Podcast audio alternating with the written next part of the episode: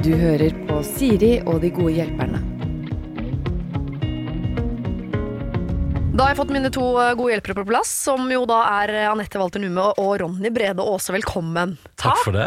Takk for det. Dere, altså, dere er jo egentlig kjent for å ha vært deres sted. Altså, Ronny, du har jo vært eh, kongen av P3 i mange år. Nå, akkurat nå er du kongen av Grand Prix, og så får vi se hva du blir kongen av snart. Ferie. Jeg blir snart kongen av ferie. Kongen av ferie. Kongen av ferie. Det har du fortjent. Ja, ja, ikke sant? Eh, Det har du jo tidvis vært opp igjennom også. Jeg har jo sett noen Instagram-bilder. Du ser rimelig kong ut. Ja, ja, ja. Altså, jeg, er go- jeg er glad i en god ferie, Ja. eh, og jeg elsker å oppleve nye ting. Eh, og har funnet også, kan jeg bare si at etter hvert som jeg har blitt eldre, har jeg funnet at jeg kan også oppleve nye Altså, jeg har funnet at det må være litt mer enn strand der. Ja. Fordi det var en eller annen Jeg tror det var på forrige ferie jeg var på, så var det var en sånn flott ferie. Så var jeg, og, på, jeg var på Kapp Verde med noen kollegas etter fjorårets P3-aksjon. Og, så- og så går jeg på stranda og så tenker jeg sånn Ja, den stranda her kunne nok ligget alle de andre plassene jeg har vært på ferie. Så, la oss, så, så, så, da reiste jeg og besøkte sånn plass der du bader i salt. Sånn at du flyter. Ja, Eh, det er jo gøy. og da tenkte jeg Nå har jeg fått kultur. Veldig bra. Ja. Eh, og så er du da eh, tidligere dronningen av Radio Norge. Det er deg, Anette. Å, takk nå- for det. Ja, Nå er du på en måte dronningen av kjærlighet og ferie, og i det universet så har dere to som dronning og konge møtt hverandre. Ja, ja. Jeg skal slutte å være så kryptisk. Ja. Forrige søndag så var Ronny eh, på Casa Numme og snakket om kjærligheten. Ja, det var jeg. Det var Ja, jeg. Du tok med deg Tuva, kjæresten din, eh, og kom til oss. Det var vi veldig glade for. Jeg er rart å ta med seg noen andre. ja, det hadde vært utrolig upassende, egentlig. Ja, ja, ja. Og hang, eh, hang med oss i to dager. Og Ja. det syns jeg var usedvanlig hyggelig. Jeg vet ikke, jeg håper du er enig i det? Det, vet det kan jeg skrive under på til, til gangs. Jeg syns det var helt utrolig hyggelig. Uh, og, en, eh, det, og det har jeg sagt, det kan jeg si nå. Det har sagt det liksom alle jeg har møtt, så har folk sagt sånn Ja, du har vært med på dette der, hva som du med, hvordan var det? Og da må jeg bare si at med handa på hjertet, det er en av de hyggeligste produksjonene jeg har vært med på noen gang. Så det er faktisk helt på ekte. Ja. Men det det blir jeg jo litt glad for, i og med at det er såpass personlig. Ja, ja, ja. Eh, Men, jeg, jeg, tror, jeg, jeg, jeg tror faktisk òg, Anette, at kanskje liksom den derre den der, eh, At vi satte oss ned i to dager og prata litt sånn, eh, ikke sånn Jeg syns ikke det ble kleint, da, faktisk. Vi prata litt om kjærlighet, hverdagsliv, hvordan får det til å fungere med et annet menneske. Alt det som er helt greit å prate om, syns jeg. Men jeg tror liksom at etter at jeg var der med dere og gjorde det, og gjorde liksom opp regnskap Det var jo Det tok jo bare fem uker fra jeg var på opptak med dere til jeg gikk hen og fridde, liksom.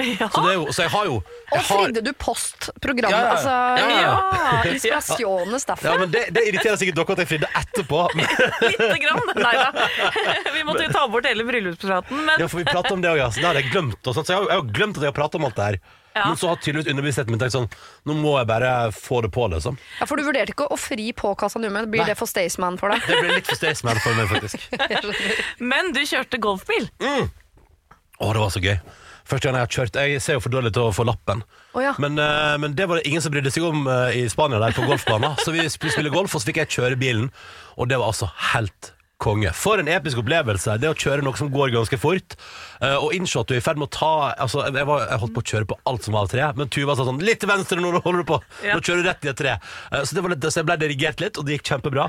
Og det må jeg bare si, jeg frista altså så mye til gjentagelse. Ja, og du var sånn «Åh, ja, ja, det var, det var kjempegøy. Eufori der, Ja, ja, altså. ja, men det var helt ekstremt Ja. deilig følelse. Ja, for Jeg skulle til å spørre innledningsvis her sånn, hva er det som er så moro med golfbil? Men det er, så, det er jo klart, hvis ikke du får lov å kjøre vanlig bil, så er jo golfbil moro. Bingo. Ja. Fordi, eh, bare, tenk, bare tenk hvis du begynner på null, og det eneste du har prøvd er vanlig sykkel, trehjulssykkel. Ja, det er egentlig det vanlige. Det er det du har prøvd, da. Ja. Uh, Da er ting som faktisk bare går av seg selv, at du trykker ned en pedal i seg sjøl, er jo helt rått. sant? Så det, nei, det var helt konge. Ja, det var veldig Så gøy det skal jeg begynne på. å gjøre mer på sommerstid. Kjøre golfbil. Nydelig. ja. Nei, men uh, dere er jo to uh, sprudlende glad folk. Uh, jeg er jo dessverre nødt til å dra dere litt ned i gjørma innimellom i løpet av dagen i dag, fordi folk der ute har det vanskelig, og vi skal prøve å hjelpe til så godt vi kan. Men dere trenger ikke å være Altså, dere trenger ikke å bli lei dere personlig. Det må man ikke. Det skal vi prøve Og bare å leve seg inn i andres uh, situasjon. Og det tror jeg, det tror jeg eh, bare flott å si, jeg tror vi er meget kompetente. ja. jeg har, jeg har jobbet, du Anette har jo vært sjefen min en gang, Ja. uh, og det, da husker jeg at din sterkeste styrke var jo empatien, føler jeg da. Å, så hyggelig. Ja, det syns jeg virkelig. Håper jeg har den med meg fortsatt. det tror jeg. Jeg beklager at ikke jeg pugga CV-en deres så innmari, men hvor i verden var Anette din sjef? Du, dette var P3 Morgen for ti år siden. Ja, Ja. Da var du sjef i P3 Morgen. Ja, Liten, liten periode der. ja kort Kom inn. periode der. eh, og, og var Gjorde dere gode og dro igjen ja, ja, ja, jo, jo, omtrent akkurat sånn. Fikk det til å fungere, og så sa du 'sayonara', da stikker jeg. Men det var, men det var en veldig hyggelig periode, og det var det var bra seminardrift, og det var mye ja, men, og, og god prat, faglig prat, og, men òg liksom eh, god sånn eh, prate om emosjoner. Så det var bra. Men nok om oss, eller? Absolutt. Jeg, bare, jeg ser et mønster i deres møter. Det må jeg innrømme. Ok, ja, skal, eh, Det er bra du sier det, Anette. Vi skal fokusere på noen andre. Og vi begynner med en som heter Karina, som har skrevet inn. Hei, Siri og de gode hjelperne. Jeg og kjæresten har vært sammen nå i litt over tre år. Vi bor sammen, men han står som eier på huset. Planen er at jeg skal inn på lånet og på papirene, men jeg er ikke interessert i å betale masse i dokumentasjonsavgift for å få navnet mitt på papir. Så eh, når vi uansett etter hvert skal gifte oss, for da er det gratis, nemlig. Ah. Jeg vil heller bruke pengene mine på bryllup. Men så orker jeg jo ikke nå å vente noe lenger på det frieriet, så jeg tenker å ta saken i egne hender. Men hvordan frir en jente til en mann, da? Har dere noen gode ideer? Med ring? Bare til han eller til begge? Eller er det noe annet som kunne vært hyggelig? Jeg må nevne at vi er ikke superromantiske noen av oss, eh, så noe ganske avslappa hadde vært helt passe. Håper dere kan hjelpe en gifteklar frøken. Tusen takk. Karina skal fri. Kan jeg bare si at eh, det, det at det er ikke romantisk noen av det, det merker jeg når det er sånn Å, dokumentet gifter kjedelig. Ja, men hvis du gifter deg gratis, da det er ikke du så romantisk. Men hurra for Karina, da, som har lyst til å gjøre det sjøl. Det er jo litt gøy. Men du har jo fridd for ikke så altfor Ja, lenge siden til din kjære Tuva Fellmann. Hvordan gjorde du det? Nei, altså, nei det var jo det som var Problemet der var jo at jeg skulle prøve å gjøre det på en Man drømmer jo om at det skal være litt sånn gjennomtenkt, eh, og kanskje ikke så klisjé, men samtidig litt sånn romantisk og fint, og det er jo en umulig oppgave. Ja. Eh, og så er er det. utrolig umulig å planlegge et frieri når den andre parten ikke veit at det skal fries, og at det skal være en overraskelse. Så når jeg da sier sånn Du kan vi For jeg, jeg prøvde å tenke sånn fordi vi var hjemme på sommerferie i Førde, og så eh, er det en sånn, sånn fjelltopp der som har fått en sånn gondol. Så du kan liksom ta gondolen opp, og så har du 1000, du er på 1000 meter, ser utover, helt episk, bra mat, og liksom kunne tusle en tur oppi der. At det er sånn, vi, vi stikker opp der, så tusler en tur i fjellet. Og så frir jeg på, liksom, på fjelltur, det blir fett. Og så sier jeg sånn vi, Kan vi reise opp dit? Og så bare ser hun på meg og så er det sånn Nei, det er, det er helt uaktuelt. Fordi, oh, det, fordi hun, har jo sånn der, hun har sagt at neste gang hun skal dit, da skal hun gå sånn For da kan du, du kan jo klatre opp sånn via ferrata-stemning. Ja, ja. Eh, og hun er sånn Så, så jeg, jeg reiser jo opp dit uten at det går via ferrata. Jeg bare, men kan ikke vi gjøre det neste år, og så kan vi ta gondolen opp år? Nei, jeg skal gå via ferrata, og jeg skal gjøre det neste gang. Jeg skal, eller nekter jeg å bli med. Altså, det er sånn Ok, så da måtte jeg forholde meg til det, da. At liksom hele veien var At du må liksom prøve å få ting til å virke naturlig og logisk. Og overbevisende. Ja, det er umulig. Men klatra du da opp via Faratan for å fri, eller brakte Nei. du ringen ned til lavlandet? Nei, altså, det, vi endte på hvis det, Vi skulle videre på reise, så tenkte vi vi tar det på veien, og vi skal nordover i fylket, liksom. Og så tenkte jeg vi gjør det der, gjør det der, og så har vi god tid, men så skulle, sa plutselig den morgenen jeg skulle fri, så sier jeg plutselig til Tuva til mor mi Kan du lære meg å hekle? Eh, Så da, da ble den avreisen hjemmefra utsatt noen timer. Så sitter de og Herregud. hekler, og jeg sitter liksom Og, jeg er sånn, og da tror jeg, der tror jeg at jeg er på mitt mugneste i livet. og For da sitter jeg i en sånn stol og tenker sånn Hvordan kommer jeg meg herfra til et frieri nå? Hvordan er det mulig å liksom ta den prosessen? Og så, men så endte det opp med så, tenkte jeg, Her kan jeg fri her langs sånn flott inn i en sånn dal med sånn flott sånn isbred elv, men så der, der dundrer jo trafikken. E39 dundrer forbi. tenker jeg, ok, Så er på en campingplass. Bak eh, På andre sida av en bubil Der det satt et litt sånn eldre par som var sånn Nei, nei, han fra radioen! Han fra radioen her! Ja, ja, ja. Så på andre sida der, der, der fridde jeg, og det gikk kjempebra. Etter et bad. Å, fy søren. Men det ble, det ble jo på en måte Du følte deg motarbeida hele veien, men Ja. ingen visste at det var det de drev med. Men både mora di og ø, din fremtidige kone og natturen for øvrig var jo i motarbeidingsfase. Altså, alle var i motarbeidingsfase. Altså Hvis jeg skal være helt ærlig, og nå snakker jeg til Karina her Ja. Fordi at de morsomste fri- frieriene, og nesten alle jeg har hørt om nå i det siste, har vært skikkelig mislykka. Ja. Så, nei. som din litt, Ronny. Ikke sant? Eller Ja. uromantisk, da. Eller den ble, eller, I det der med at den ikke ble under noen omstendighet sånn som jeg hadde planlagt at den skulle bli, så ble den likevel det, fordi eh, det ble litt som low-key, men med de Ja. ingrediensene i livet som på en måte vi syns er fint. Og sånt, plutselig satt vi der og hadde en god stund på ekte. Ikke sant? Men det er jo en god historie, og jeg tenker at det er viktigere enn at eh, frieriet skal være så stort og flott, og at forventningene er altfor høy, for da går det jo til helvete. Det er jo resultatet som er romantisk her, ikke egentlig spørsmålet. Nei, Trenger ikke være sant? hvert. Og den historien du kan fortelle etterpå om frieriet som gikk til helvete, den er jo veldig mye morsommere enn gondolen og, og det derre litt eh, Ja, hva skal jeg si? Ja, så, Ja. Eh, det- Klissete, ja. altså, det du prøver å si at Hvis det går bra, så blir det romantisk og fint. Og går det dårlig, så blir det også fint, for da blir det en god historie. Så det går ikke an å feile i et frieri, nærmest. Og så tenker jeg litt Det sånn tenker jeg. Ja, det, det, det er jeg enig i. Og så tenker jeg at Hvis dere ikke er noen romantikere begge to, så ville jeg i hvert fall tenkt For eksempel, jeg, Først vil jeg bare si sånn at jeg er ganske sånn, eh, sånn kjønnsrollemessig, så jeg, der, det gir jeg fullstendig faen i. Mm. Men akkurat hvis Tuva hadde frarøva meg muligheten til å fri, da hadde jeg blitt skikkelig lei meg for. Ja. Faktisk, Det er liksom den ene tingen sånn Hvis hun hadde tatt den før meg Mm. Jeg bare sier det nå sånn at du vet det, Karina, at det hadde jeg syntes ikke var så hyggelig. Men det handler jo om deg som menneske, sikkert ikke så Jo, jo. mye om at du er mann. For du har gleda deg til å gjøre det. Men det kan jo hende at Karina er sammen med en fyr som ikke har sett for seg at det skal han gjøre i det Og i hele så fall er det konge, men bare liksom, jeg ville i hvert fall, hvis jeg var det, Karina, på et eller annet vis Det har dere sikkert pratet om, men i hvert fall sånn at du vet at ikke han blir lei seg for det. Det er jo litt fint, for det er jo en drittgreie hvis, han- hvis dere går inn i noe som han blir lei seg for. Godt poeng, sjekk ut det først. Mm. Og så eh, Men åssen gjør du det? Blir du lei deg hvis jeg frir? Da har man jo på mange måter fridd. Nei, nei, men, nei, men det går an å si, da. Hvis jeg hadde fridd eh, til deg, liksom, hadde du Er ikke det skuddår i år? Er ikke det sk på skuddårsdagen er ikke det da kvinner frir til menn sånn opp gjennom historien? Er det det? Ja. Ja, det er jo det, da. Så 29. Ja. februar, Ja. så eh, da kan du vurdere det. Men jeg, altså Det er den dagen jeg i hvert fall skal fri på. Det må jeg bare si som trassig menneske her borte. Det kan du bare glemme. Ja, for, for dere er ikke, dere er ikke fri til hverandre? Nei. Nei, nettopp. Men hva drømmer du om? Jo, men eh, Jeg bare jeg hadde lyst til å bringe på bane i og med at ingen av de er eh, spesielt romantiske. Noe av poenget her er å slippe å betale dokumentsavgift. Eh, og Det betyr ikke at kjærligheten er noe mindre, men jeg er helt enig med deg. Alle de greiene der trenger ikke være så romantisk. Jeg er over en fase tenker sånn Må noen fri? Kan man bare være to mennesker som blir enige om at man skal gifte seg? Det gjorde vi. Ja, Oi, er ikke det like fint? da? Kan ikke de bare bli enige om det? Ja, og det bare skjedde eh, i fart eh, i Stockholm for eh, ja, 14-15 år siden. Så satt Thomas og jeg, min mann nåværende, eh, og så på hverandre, og så sa vi det her var skikkelig hyggelig. Ja, syns du ikke det? Jo, det syns jeg. Skal vi ha det sånn resten av livet? Ja, det, skal vi det? Ja, skal vi ikke det? Frir du til meg nå? Ja, frir jeg ikke til deg nå? Ja. Og så Og så var det bare det. Og så var det å kjøpe forlovelsesring dagen etter og bestille en ekstra flaske champagne. Ja, kanskje man kan Ah. gjøre det Altså Man tar den praten mer som en prat, og så går man og kjøper ringer sammen, så gjør man det litt romantisk. Ja, At det blir som en det? felles sånn, mer som en sånn felles prosjekt. Kanskje det? Ja, for jeg tror det, fordi det, det er jo det som jeg føler at du og Thomas og dette er helt sånn eksperter på, er jo det med å, å bare gjøre ting til en sånn altså, bare Dere er veldig gode på litt nytt i livet. Dere er nifslyttere av rang, da. Eh, Og jeg tror at hvis, dere, hvis du, Karina, og din kjæreste ikke er så romantisk noen av dere, så tenker jeg vil heller gå den veien. Og heller, eh, hva med at for å gjøre det spesielt, hvis man ikke er så romantisk, da kan man gjøre det spesielt med eksempel overøsing av digge ting. Altså få på noe champagne, spise noe digg mat. Altså liksom, mm. Heller lage en sånn setting rundt det. At du sier sånn Ja. Jeg inviterer deg i kveld på verdens beste middag. Og, og så vet du at underveis der, fordi det er verdens beste middag, fordi dere skal ha liksom litt eksepsjonelt bra biff, eller bare verdens nydeligste kamskjell, eller whatever, eller gå på den beste restauranten dere liksom ikke unner dere å spise på ellers, og så vet du underveis at Og i løpet av kvelden så kommer det til å si Skal ikke vi bare gifte oss? Ja, Jeg tenker, jeg tenker det, Hvis man ikke er så romantisk, så er det, er det, da er det gøyere å gjøre noe litt sånn luksus ut av Da det. er lista lagt i hvert fall passe høyt. Ja. Karina har ikke tenkt på det som et sånn stort overdådig frieri. Bare tenk på at dette er en samtale vi skal ta for å bli enige om noe som skal bli romantisk i fremtiden. Yes. rett og slett. Ja.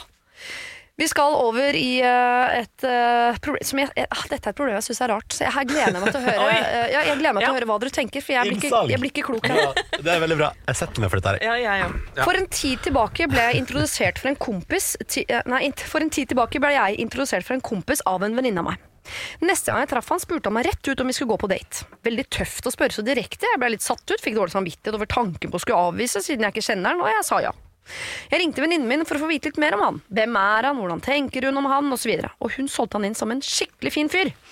Han viste seg å være verdens mest usikre og selvopptatte fyr. For eksempel, når han var hos meg og vi lagde middag, så sto han og fiksa hår i et speil jeg har i stua. Han beundra seg sjøl, liksom. Jeg i mitt hode tenkte da eh, på at min venninne hadde jo solgt han inn som en skikkelig bra fyr, og tenkte at det her er kanskje bare, det må bare gå. På samme date fortalte jeg meg en veldig trist nyhet jeg hadde fått om min egen familie, og da hørte han ikke engang etter. Da han skulle dra på kvelden, gikk jeg for klem, han gikk for kyss. Det ble klem før han enda en gang gikk for kyss. Og jeg som blir så klein av sånn, jeg bare kyssa tilbake for å få det gjort, og så dro han endelig. jeg skjønner situasjonen. Så ringte jeg så klart venninnen min fortalte alt. Fortsatt så holdt hun fast ved at dette er en skikkelig bra fyr. Så jeg bestemte meg for å treffe henne en gang til. Jeg kan jo ikke bli sendt med noen på én kveld. Og trist nok har jeg opplevd mange ganger at gutter er litt sånn pushy, så det er kanskje vanlig.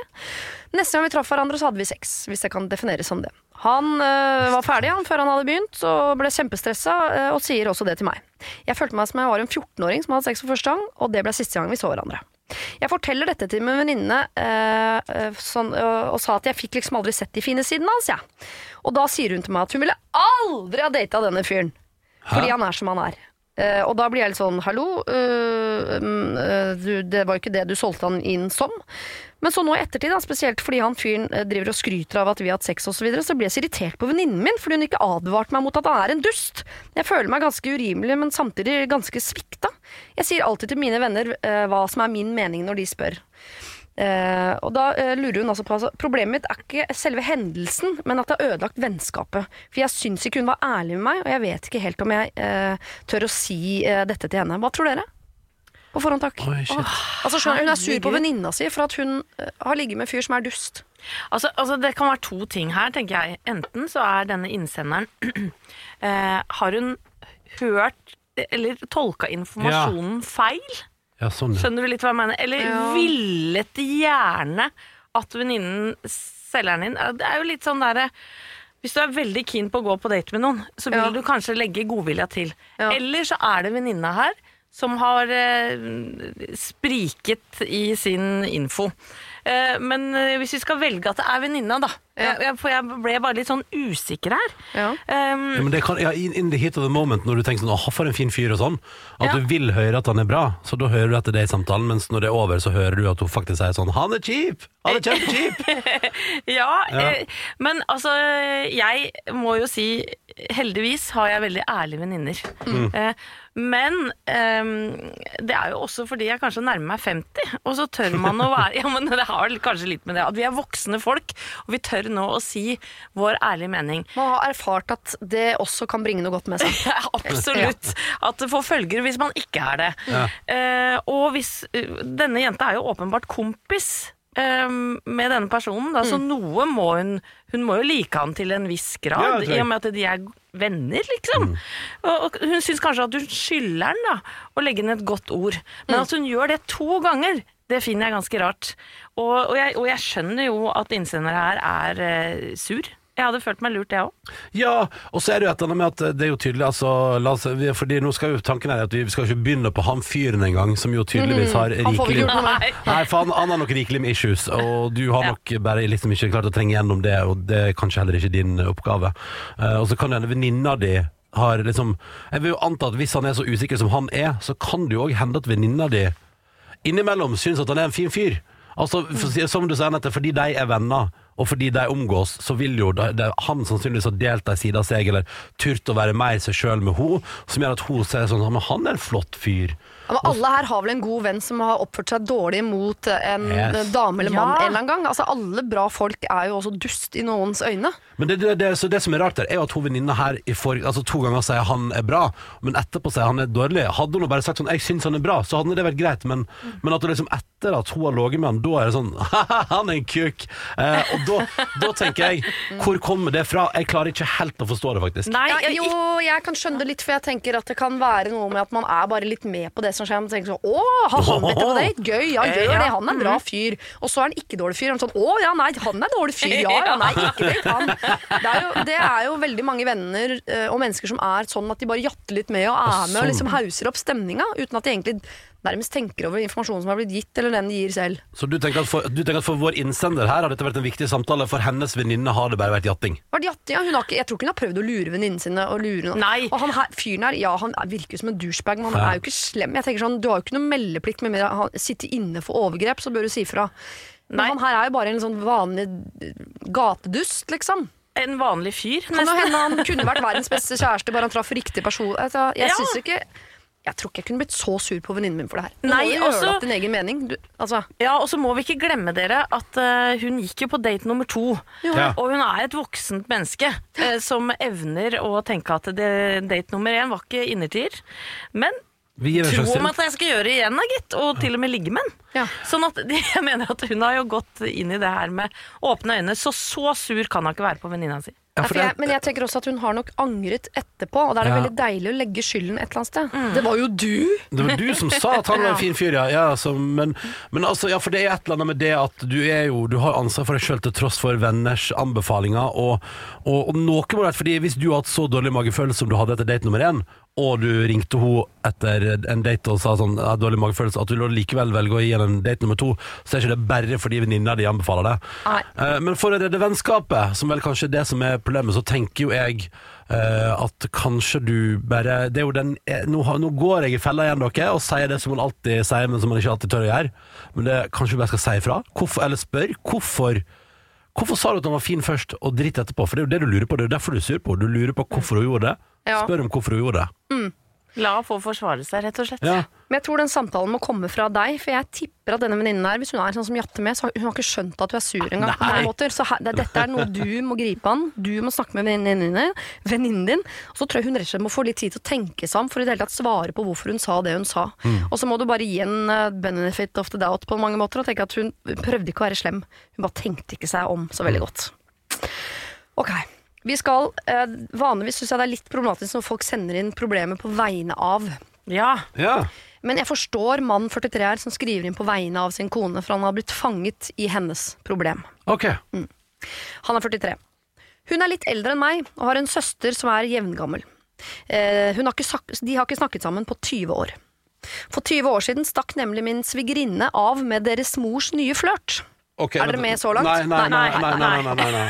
Ok, du må, du må male bildet på nytt, Røy. Mann 43 er gift. Mm. Kona og søstera har ikke snakka på 20 år, fordi denne søstera eh, stakk av med nye typen til deres felles mor.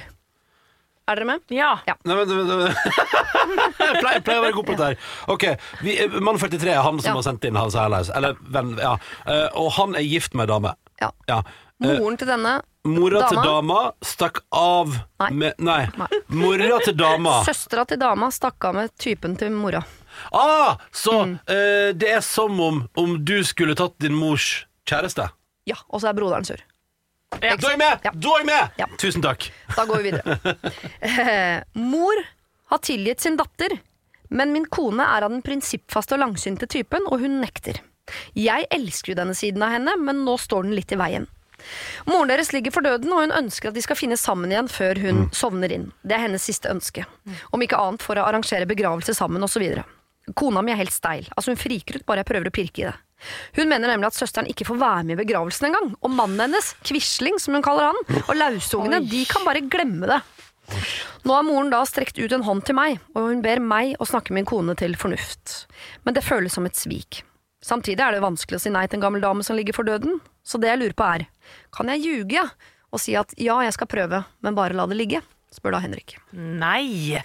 Fordi jeg, jeg, Vi får ikke løst opp i det søstregreiene og alt det der, men Hen Henrik som en egentlig tredjepart, kan han si til sin svigermor jeg skal øh, prøve å mørne dattera di og bare drite i det, egentlig?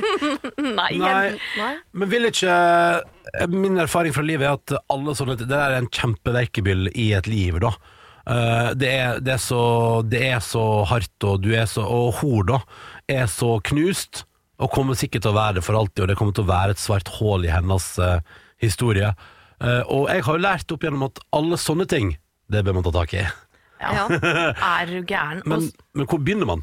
Nei, men altså, et ønske fra en døende mor Ja. er veldig sterkt. Og mor er offeret her, på en måte. Det var hun som Mor mista sin kjæreste til sin datter. Og mor har tilgitt søsteren. Ja.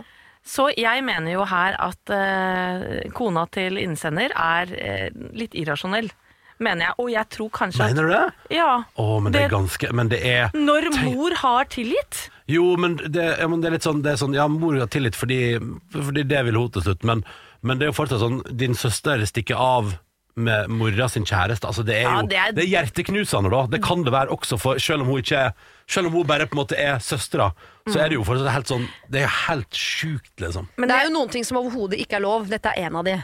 Ja, men innimellom skjer det, og det er jo formildende i hvert fall at de nå 20 år senere faktisk er gift og har barn sammen. Så var ikke noe sånn 'Å, jeg bare syns jeg var litt deilig'. Så dro til Hellas og lå sammen, liksom. Det var, det var jo ø, ekte kjærlighet. Ja, og det er jo tross alt 20 år siden, og jeg tenker han som har sendt inn her, han høres ut som en jævlig fin fyr, hvis jeg kan få si det rett ut. Og det å ljuge til et, altså sin døende svigermor, Ja. det, det tror jeg kanskje at du kan komme til å angre på seinere. Da vil jeg heller ta et oppgjør med kona mi, For såpass edel tror jeg denne mannen er, altså. Ja. Eh, Kan han prøve fått- litt halvveis, da? Eller Nei, men dere, dere utsette det helt til hun vi må Nei, huske vet på, vi må huske på én ting. Nei, det er jo så dårlig å være så konfliktsky, da. Ja, fordi jeg er konfliktsky, men kan jeg bare si, eh, Siri Anette og du som har, Henrik som har sendt inn problemer eh, vi, vi har ikke tatt inn over oss følgende faktum. Hvis ikke du ordner dette nå og bruker mors siste ønske for å få det til, så må du stå midt oppi den krangelen som kommer når hun dør.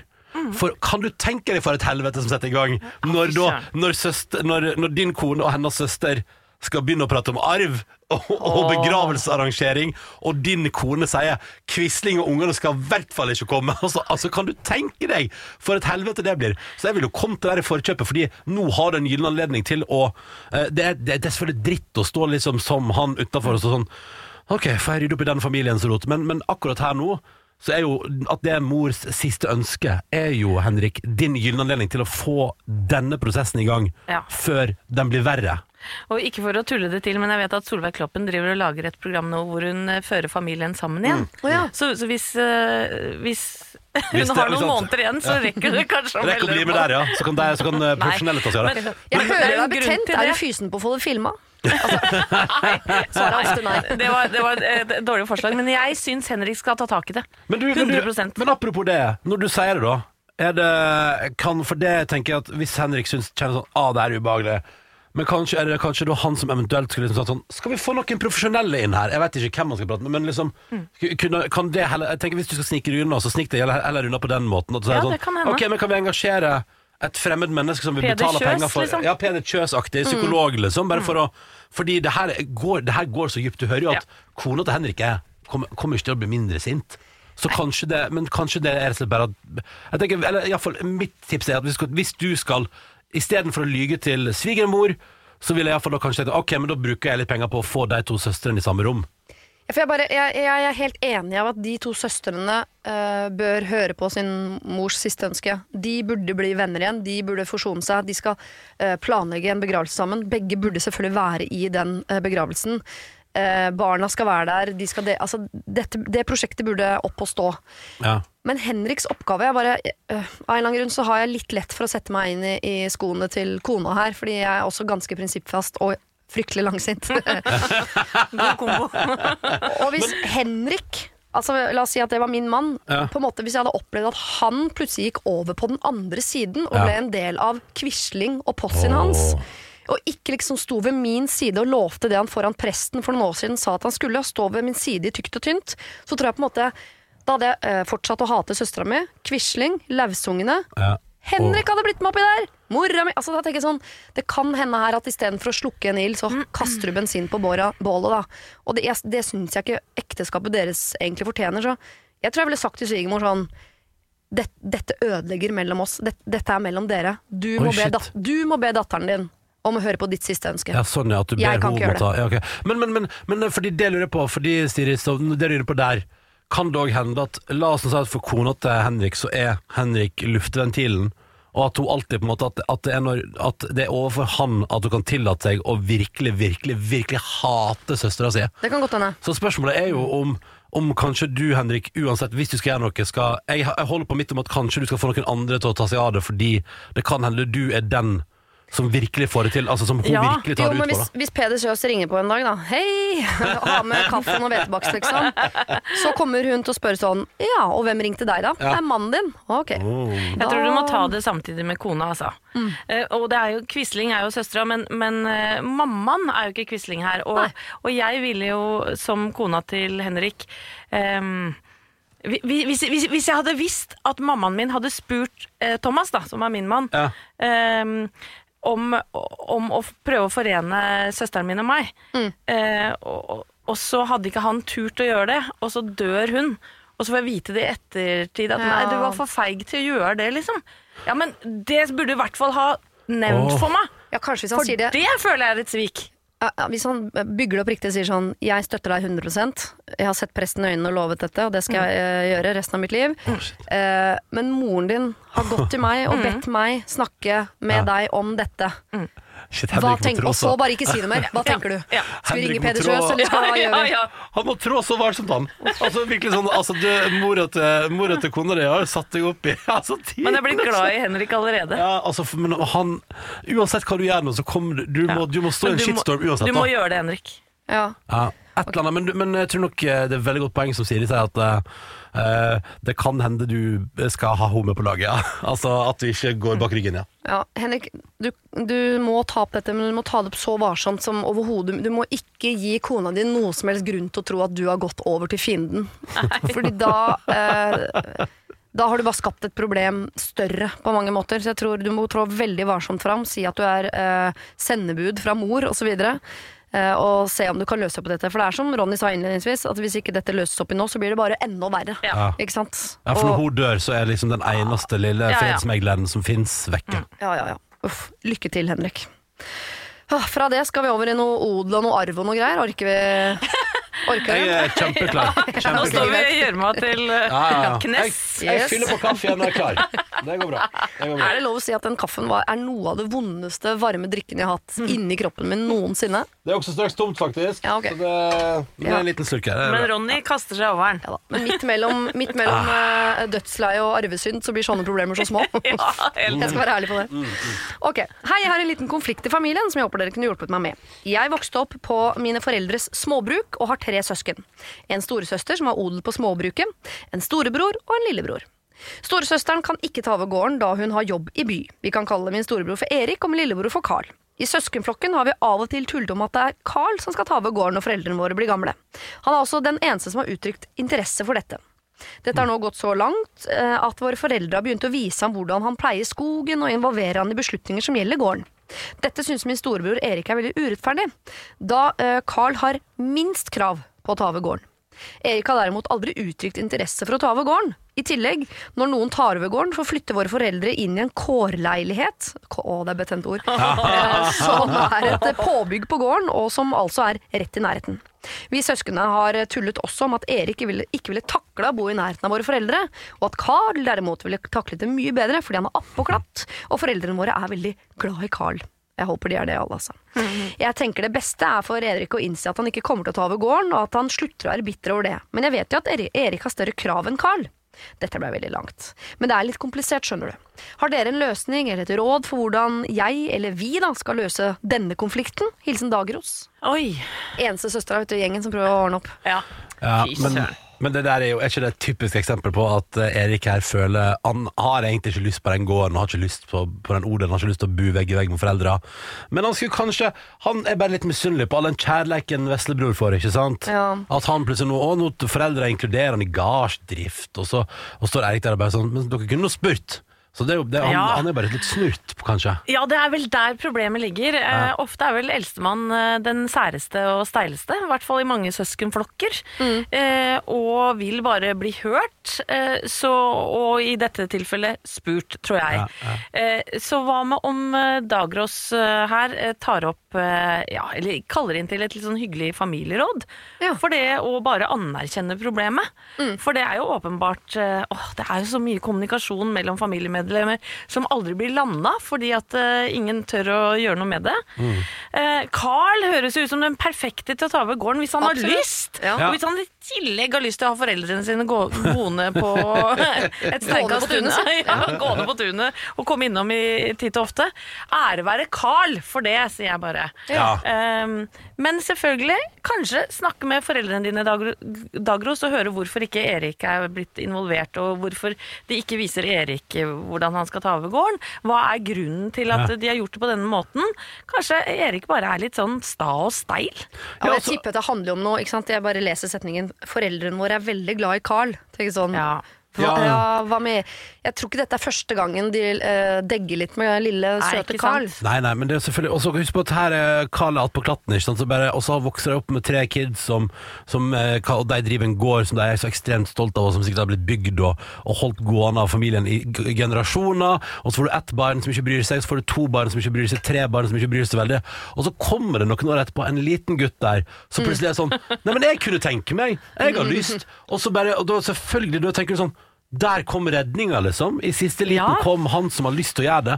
Og så tipper jeg at det er en ting, og da tror jeg liksom at det tror du, Dagros, må prøve liksom å få storebror Erik til å forstå, er jo at eh, du vil egentlig ikke, og de har begynt å vise minstemann hvordan man gjør det, fordi det begynner å bli tid. Ja. Og, og, og bare forstå at det handler ikke om at du er mindre verdt i, hos dine foreldre. Men kan man late som For Det er jo utgangspunktet den eldste søstera som har odel. Hun vil ikke ha. Så jeg det er der, det er den samtalen man later som man tar. Ja. Hei, nå er vi alle fire søsknene samlet her på eh, Bolkesjø ja. konferansesenter. Ja, der er det hyggelig. Odelsjenta vil ikke ha odel. Hva gjør vi? Altså, Ikke noe Carl Erik, og det er ikke der konflikten ligger, liksom. Konflikten er at odelsjenta vil ikke ha. Og så er det litt sånn, Hvem vil ha den da? Og så kan alle som vil ha, rekke hånda i været og, og forklare hvorfor de vil ha. Fordi det er vel sikkert sånn Erik har jo større krav på den. Det går, er sånn arverekka nedover. Men da må han liksom claime den. Ja. Ja, Det syns jeg var et, et lurt scenario, Siri. Jeg tenker også at kardinalfeilen som mange foreldre gjør, det er å ta ting for gitt. Ja. De har åpenbart tatt for gitt at ikke Erik vil ha gården. Fy fader, det, det er bare et spørsmål unna! Ja. Ja, Skjønner du hva jeg mener? Ja, fordi Erik har ikke fått muligheten til å unclaime. Nei. Han har ikke fått muligheten til å si Nei, jeg vil ikke, dere kan gå videre nedover. Og det er litt som de festene man ikke er invitert på. Så får man sånn Nei, men vi trodde ikke du kunne. Nei, Nei, men, hva er det det for stemmer jo det, men spør, da. Ja, spør meg, vær så Trodde ikke du hadde lyst? Nei, jeg hadde Jeg skal rope nei, men Bare spør meg, vær så snill. Det er, det er, jeg tror det er der kimen til konflikt ligger. Ja. Ja, ja, men det er sant det. Men for det, det, jeg, jeg tenker jo at det, Fordi Dagros føler på murring. Den murringa kan du få slutt på ganske fort, Dagros. Det er, men selvfølgelig, det krever jo litt, for du, du kan jo Du kan selvfølgelig sette fyr på et eh, kvepsebol. Det kan du. Men i utgangspunktet bør det gå greit. At du, du Hvis en anledning der du har muligheten å si Men men eh, dere, skal vi ta en prat om at eldste, eldste datter ikke vil? Og så baller det bare på seg, og forhåpentligvis er det en fin prat, men der kanskje liksom Fordi jeg, jeg tror det handler om kun her at, at eldstebror føler seg forbisett. Han har ikke lyst, han vil ikke. Han har blitt men- oversett før. Han er jo dritten i midten, da, ikke sant? Ja. Ja, ja, ja. at han må klare seg sjøl, og ingen Ja, ja. Han er verken eldst eller yngst, og er bare, Ja, ja, ja. bare Ikke jeg er glad i dyr heller. Nei, nei, nei. Jeg ble bare sittende. Altså, eh, er veps på nynorsk kveps? Ja, ja. Jeg må synes Bare det hyggelig! Anette har jo bodd i Førde, vet du. Ja. Ja. Så du kan, sånn, jeg. ja, du kan, du kan dra Jeg kan gjøre det. Ja, ja. Beklager, Dagrid, der spora jeg helt. Men eh, det var av og til i en alder av eh, 41 så dukker opp en ny info. Eh, Dagrid, så må ta en prat med alle fire, men ikke ta det opp som sånn hva er problemet med Erik og Carl, egentlig. Ta det opp med sånn eh, eldstejenta vil ikke ha odel. Hva gjør vi videre?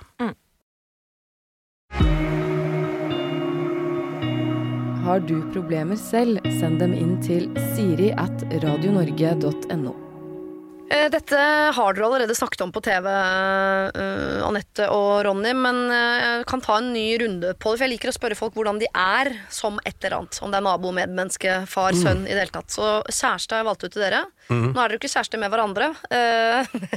Nei, det, nei, det har vi heller ikke Men vi- hvordan dere er som kjærester, det tipper Ja. jeg dere gikk gjennom uh, I, i Casa Numme, tenker du på? Nummen, men uh... Vi har kommet eh, inn på temaet ved flere anledninger. Skal du få lov til å begynne, Ronny? Altså, ja, ja, som kjæreste så tror jeg at jeg er um, Jeg tror at jeg er veldig um, Jeg er en litt sånn sindig fyr. Um, jeg tror at i, i mitt forhold så er jeg den som på en måte kanskje avventer litt, da. Min kjæreste kan være veldig sånn 'herregud, herregud', og jeg kan være litt sånn 'ja, men nå, nå ser vi hvordan dette bærer'. Uh, så jeg er kanskje litt sånn uh, Jeg holder litt igjen.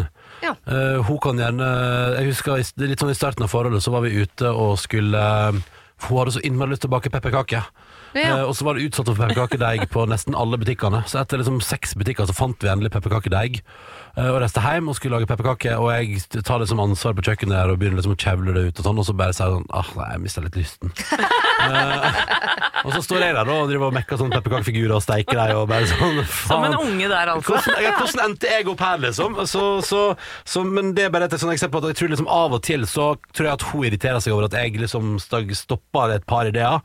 Og så tror jeg at hun etterpå syns det er helt greit at jeg har gjort det, kanskje. For hun skjønner at det hadde ikke gått. Sånn som vi skal ha middag på nyttårsaften for vi ble 19 til bords, som jeg tenker var sånn Det var litt voldsomt når vi akkurat har flytta inn i nytt hus for ti dager siden og vet ikke om vi egentlig har plass i stua, liksom.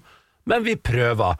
Uh, og da at liksom at når jeg da liksom Når vi begynner sånn å si Jeg vil lage italiensk eh, tapas, altså bare masse italienske småretter, og jeg blir sånn Ja ja, men det kan vi gjøre. Ok, vi begynner, og så lager vi liste, og så sier han det skal ikke vi lage. Og så sier hun sånn Jo, men det skal vi. Og så sier nei. En plass, og da, da holder jeg litt tilbake, eh, og så girer hun litt på. Og jeg tror at i det krysningspunktet så tror jeg vi blir et ganske fint par, fordi hun er akkurat nok sånn 'kom igjen', og jeg er akkurat sånn 'hold igjen', til at vi liksom finner en sånn gyllen middelvei. Hun er gass og du er brems, og til Ja. sammen er dere en Tesla, liksom. Yes, yes, yes, yes, yes. Akkurat sånn. Og det var Så bra. fint sagt. Ja, men det, jeg synes jo Jeg har aldri møtt et par som er omvendt, hvor det er gutten som er gass og dama som er brems. På sånn, når det kommer til sånn initiativ som skal vi ha 19 til bords, og hvor mange retter skal vi lage, og hvor skal vi kjøpe pepperkakedeig, liksom. Så Nei. veldig ofte det er den konstellasjonen. Jeg tror jeg kjenner noen, men, Ja, eh, ja. men, eh, men jeg er veldig glad for at vi jeg er veldig glad for at for Jeg må bare si at jeg òg elsker jo å være 19 til bords og dundre på, liksom. Eh, men så er jeg kanskje han som liksom prøver å gjøre det chillest mulig samtidig. Ja. Eh, det er kanskje der jeg på en måte liksom da, Så da stopper jeg kanskje litt kreativitet innimellom, men, men jeg tror det er bra for oss begge to. Ja, jeg tror det, jeg tror det. ja.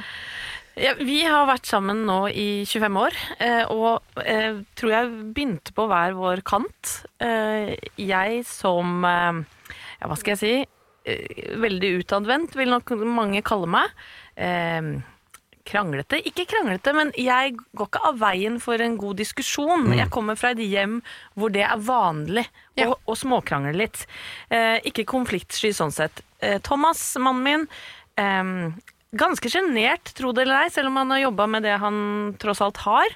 Eh, jeg føler innimellom at familien Numme er litt sånn uh, feie under teppet.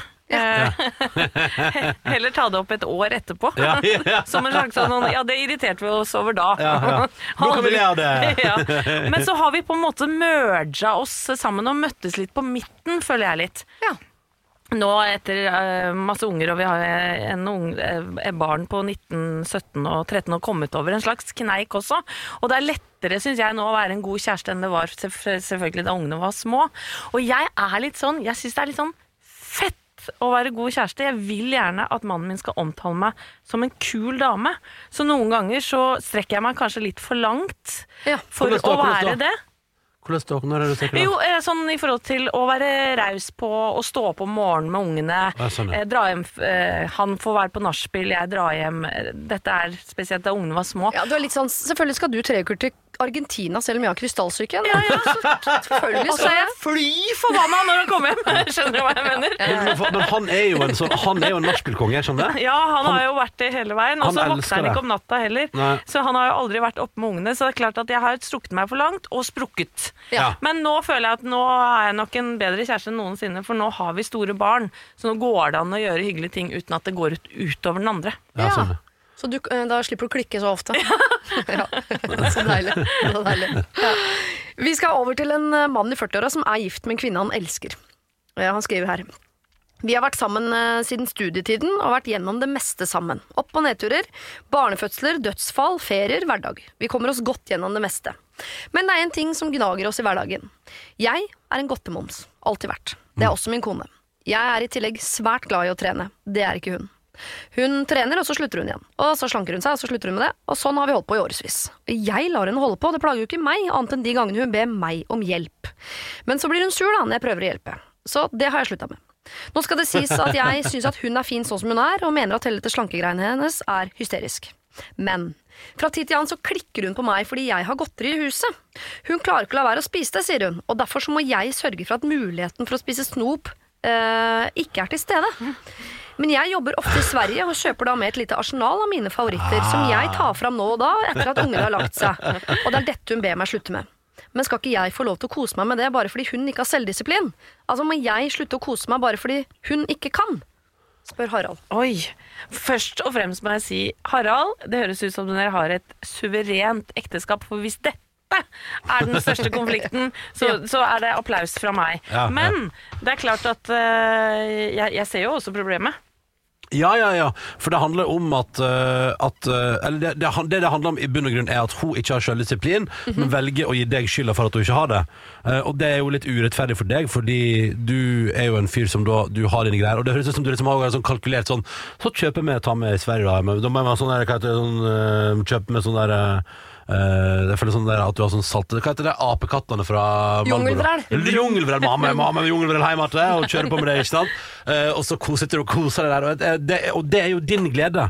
Så her må vi prøve å finne ut av hvordan kan du holde på din glede, og samtidig at Eller jeg, jeg syns jo at hun at jeg syns at du bare burde liksom Kanskje rett og slett bare hvis du syns at det faktisk er et problem, at du faktisk gir det problemet den plassen som det fortjener. Da ville jeg kanskje sagt sånn Du, jeg må bare si nå, Det her syns jeg er skikkelig digg, da. Nå har jeg sånn moment her der jeg koser meg med jungelvrel fra Sverige, som jeg har tatt med meg, og dette jeg gleder meg til. Og det hadde vært så hyggelig om du ikke ga meg dårlig samvittighet eller kjefta på meg når jeg liksom har satt av tid til å ha min lille stund her. Eh, og faktisk, altså at, at typ som Hvis du syns det er et problem, så må du, du på en måte overfor din, eh, din kone og behandle det som et problem. Men er ikke dette et problem som jo uh, f.eks. Petter Stordalen har prøvd å løfte opp til sånn samfunnsnivå ved å ikke ha godteri inne på hotellrommene? Eller som noen har prøvd å løfte Ja. opp til sånn eh, jobbnivå, hvor de sier sånn kan vi slutte å ha uh, vaffelfredag og kake? For det er jo noen Ah. ganger jeg bare, uh, På vegne av oss som slanker og sånn to-tre ganger i løpet av året, men aldri får det til, så det er liksom det er jo irriterende hvor ofte vi skal møte på situasjoner hvor vi tenker at ja, jeg får vel spise godteri, da, for det ligger jo her. Ja. Og hvis jeg hadde tatt tanke på at jeg skulle hatt det hjemme hos meg, en fyr som spiste godteri hver kveld, sånn at jeg måtte, jeg måtte aktivt si nei til noe som hele kroppen min skriker etter hver eneste dag. Og det hadde vært vanskelig for meg. Ja, men det er litt humørløst òg. Ut alt, syns jeg, da. For Harald her, han er jo Han driver og jogger og ordner, og, og han fortjener kanskje den lille sukkerbomben eh, et par ganger i uka. Men går det an, eh, Harald, å finne noe godteri som du veit kona di ikke liker? Ja, ja, det det må smart. jo være eh, noe på den skalaen som eh, du elsker, og som hun ikke er så glad i. Og eh, nummer to, ikke kjøp så innmari mye. Ja, han er i Sverige jeg må få lov til å dundre på. Nei, men da eh, Ja, men går, går det an å ikke kjøpe sånn uhorvelige mengder? Eh, sånn at eh, de gangene kona di spiser litt av det, så vil hun ikke få den dårlige samvittigheten. For det er åpenbart det som rir henne, da, som gjør henne sur. Ja. Eh, det er veldig konfliktsky løsning Ja. her nå, kjenner jeg. Men, men jeg, jeg syns liksom at det er eh, det er litt urettferdig at Harald skal måtte slutte med det òg, bare fordi kona har dårlig Ja, dårlig er jo Jeg ble, selvdisiplin. jeg ble jo forbanna når noen prøvde å si sånn Kan vi slutte å ha kake her på NRK? Så ble jeg sånn Hæ? Hæ? Men det er jo så koselig med kake, og det er jo det eneste som eh, finnes i altså det er sånn der, Hva skal man ha for å feire at noen har rund bursdag, eller, Mm. eh, eller at man har fått til noe fantastisk bra? Så skal jeg sånn, da har vi kjøpt inn noe sånn sukkererte, så det er bare å kose seg. Altså, det blir jeg forbanna av. Klasetomater, har du Ja, smakt noe så deilig? ja, det er veldig godt, men det er ikke det samme. Uh, og så Da er jeg blitt sånn ja, men Fader heller, folkens, kan vi roe litt ned? Og, og jeg vet jo at jeg ikke har godt av å spise masse godteri, men jeg syns jo også det er ganske digg når det dukker opp. Og så er det jo bare å tenke sånn Harald, kunne du fått deg en godtesafe? Lager et lite skap som eh, hun ikke har tilgang til. Det er selvfølgelig det er starten på sånn, for da begynner hun å tenke gjemme nøkkelen? Ja, så tenker, men da begynner hun å tenke sånn Hva annet har du i godteskapet? Hva er det Da som blir ligger han gal og Ah, kommer til å lete etter ah, det. Jo, shit. men men jeg hadde skjønt Hvis det kom på initiativ fra han helt sånn ut av det blå, så høres jo det rimelig ko-ko ut. Mhm. Men her har vi jo en dame som sier sånn Jeg kan ikke eh, og Plutselig kom jeg på en sånn dokumentar jeg så uh, for veldig lenge siden, hvor det var en, uh, en husstand hvor hun, kona om natta fikk noen tvangstanker. Så hvis det lå kniver i huset, så, så brukte hun dem. No, nei, meg. Så han måtte hver eneste kveld låse inn alt. Nei, det- Altså Fra smørkniv til slaktekniv i en sånn knivsafe. Ja, hvis du har, ja, jeg ville ikke hatt slaktekniv i huset, nei, da har vi Dupper av på er sofaen midt på dagen dagene. Da har du kjørt da er deg, malt deg sjøl opp i et hjørne. Det, det går ikke. Men safe det, godtefyr det er et, jeg, hø- jeg hører at det er koko, men det kan hende at jeg ser ikke noen annen løsning. Ja, for det er litt sånn der, Poenget er jo her at du, du må ta en vurdering. For hun sier at 'jeg vil ikke at du skal gjøre det der'. Du syns det er en digg ting i ditt liv. Så da må dere prøve å finne altså Enten må du si til henne 'slutt å gi meg dårlig samvittighet', slutt å nekte meg å gjøre noe jeg har lyst til, eller så må du finne altså at du går, typ sånn, Da går jeg i garasjen for å spise godt. Men det, men det er jo åpenbart eh, konas problem her, som har dårlig sjøltillit på, Ja. på den hun er. Ja. Eh, Det kan nok hende at hun eh, kanskje skal snakke med noen om problemet sitt også, fordi at det kan hende hun overfører eh, Altså, hun overfører sin egen dårlige sjøltillit på mannen og godteriet. eh, Ja. Og så handler det om kanskje helt andre ting. Eh, Så, så det kan være verdt å gå en runde i, i huet på. Hvor ofte sier du til henne at du syns hun er god nok som hun er? Bare, bare, bare, bare hiver det ut Ja, ja. Han, du, han skriver jo det til oss, det er ikke sikkert han sier det til henne. Nei, Nei. ikke sant? Det, det, det ligger noe der. eh, Og så finne godteri som hun ikke nødvendigvis elsker. Og kanskje eh, kombinere eh, sukkeret med noe som også er litt godt, men sunt. Eller kan dere gjøre for eksempel Nå, bare, nå gjør jo dette til en større greie, da, men, men kan dere for eksempel Kan du for eksempel, hvis hun liksom For det høres ut som jeg sånn der Jeg kjenner meg veldig igjen i det. Du sa at hun trener litt innimellom, og så gir hun seg, og så slanker hun litt. Så jeg, jeg driver ikke med slanking, men jeg prøver av og til å, å, å bedrive litt trening, f.eks. jogging og sånn. Og så har jeg, blir jeg bitt av basillen en periode, og så går det over. Ja. Eh, og da er man tilbake til null. Eh, men kunne du eksempel da sagt til, uh, til kona di sånn Du, hør her, hva om jeg og du tar Kan vi Hør her, nå har jeg en kjempeidé. Eh, I ettermiddag, så når vi er ferdig på jobb, så spiser vi middag, og så går vi oss en lang tur. Og når vi kommer hjem igjen, da finner vi fram det Sverige-godteriet, og så tar vi oss litt godteri, og så kan vi begge to spise det med god samvittighet. At, du, at man heller kan gjøre litt sånn Skjønner du, det har ingenting å si, men hvis man, liksom skal jobbe, hvis man snakker om sjøltillit og det å komme seg ut og bare få gjort noe og bygge samvittighet, god samvittighet, så kanskje, kanskje bare gjøre et så par sånne ting innimellom og si sånn Du, nå har jeg en idé. Nå blir du meg på noe, med meg på noe greier her, som for deg har sikkert ikke nødvendigvis er den treningsmengden som du tenker nødvendigvis at du vil ha, men som er en hyggelig ting å gjøre i lag. Og så er det, og når vi kommer hjem igjen, så fyrer vi godt godt skåla. Og så lager vi noen rutiner på det som er sånn på onsdager. Så spiser vi litt jungellever. Gjør vi ikke det? Ikke sant? Men tirsdag og torsdag, da gjør vi ikke det. Nei, ikke sant? Og man trenger jo ikke å spise så mye hver gang og heller. Nei. Ikke sant? Man trenger jo ta fram hele boksen. Det er, det er, altså, det er Eller perfekt, bøtta. Om å gjemme det. Eller låse det inn. eh, perfekt hjemme hos oss. Min eh, kjæreste har introdusert meg for at du kan bare hive uh, potetgull for eksempel, i, i ganske små skåler. Eh, Fordi du får et skål med, gå- med chips, og det er digg, men, men, men du har ikke hele posen. Og jeg bare tenker sånn, der har du eh, Det er et fu velfungerende synsbedrag. Funker som ei kule. Å Jeg, nei, nå har vi tømt skåla! Og så prøver hun å late som at det ikke fins en hel pose på kjøkkenet. jeg er en type som nå, når det er igjen godteri i huset etter helga, potetgull eksempel, som er Mm. min akilleshæl eh, Jeg har kastet potetgull i søpla, for så å gå og sette meg i sofaen, stolt. For så å reise meg, gå Nei, tilbake, plukke potetgull ut av søpla. Så, så nå har jeg begynt å Nå knuser jeg potetgullet til å bli støv, og så blander jeg det inn sammen med søpla. Altså, Det er også en tvangstanke. Også en tvangstanke. Innsender hører her at vi er litt Alle har i sine huet. Ja. Så, så da Ikke kan du gå fra kona for å bli sammen med en av oss, for å si det sånn, for da det tror jeg ikke vi har kvitt eh, problemet. Mm. Vi skal over et problem der noen har gått fra hverandre. Bare, jeg bare legger det der. Uff da. For noen måneder siden gjorde jeg og eksen det slutt. Vi eier leilighet sammen og har fortsatt mye med hverandre å gjøre, eh, med tanke på salg og annen avvikling av et fem år langt samliv. Vi er fortsatt venner, og har også ligget sammen noen ganger etter bruddet. Ja, ja. Kjempedårlig idé. jeg bare nevner det. Ikke fordi vi vil, bli sammen igjen, men bare som en slags avslutning. Ja, ja, det er det man sier. ja, det det. De siste ukene har jeg også datet en annen kvinne. Denne kvinnen har invitert meg med på konsert på fredag med en av mine og eksens favorittband. Og nå nettopp sendte hun meg en melding om at hun har blitt så forkjøla, hun kan ikke gå sjøl. Så hun sier at jeg skal ta med en venninne og kose meg. Kan jeg invitere eksen? Nei! Og hvor skal jeg i så fall si at billettene kom fra? Eksen blir jo ikke glad om hun vet at jeg dater allerede. Nei, Hilsen nei, nei. Ida. Men hvem sier. Dere skriker nei, da skjønner jeg at dere Men mener det. Men er det på vegne av eksen eller på vegne av den hun dater? For det er jo potensielt to kvinner her som klikker i vinkel. Ja, ja, fordi clouet her er ikke sant fordi, nei, nei, nei, nei, nei, dette må du Nei, for det her, det, det her Fordi nå har du og eksen din Ida hatt det litt sånn chill. For du Fordi det er to jenter, ikke sant? Ja. Uh, og de har, dere har liksom Dere har ligget litt, og det har vært litt sånn du, og, og, du har sikkert tenkt sånn Var det så lett at det, Var det så lett å slå opp etter fem år? Og det er nå du er på vei inn i uh, minefeltet. For det er nå det kan gå til helvete, Ida, fordi du tror det er så lett. Og så, tru, og så tar du lett på det, og da fucker du opp hele greia.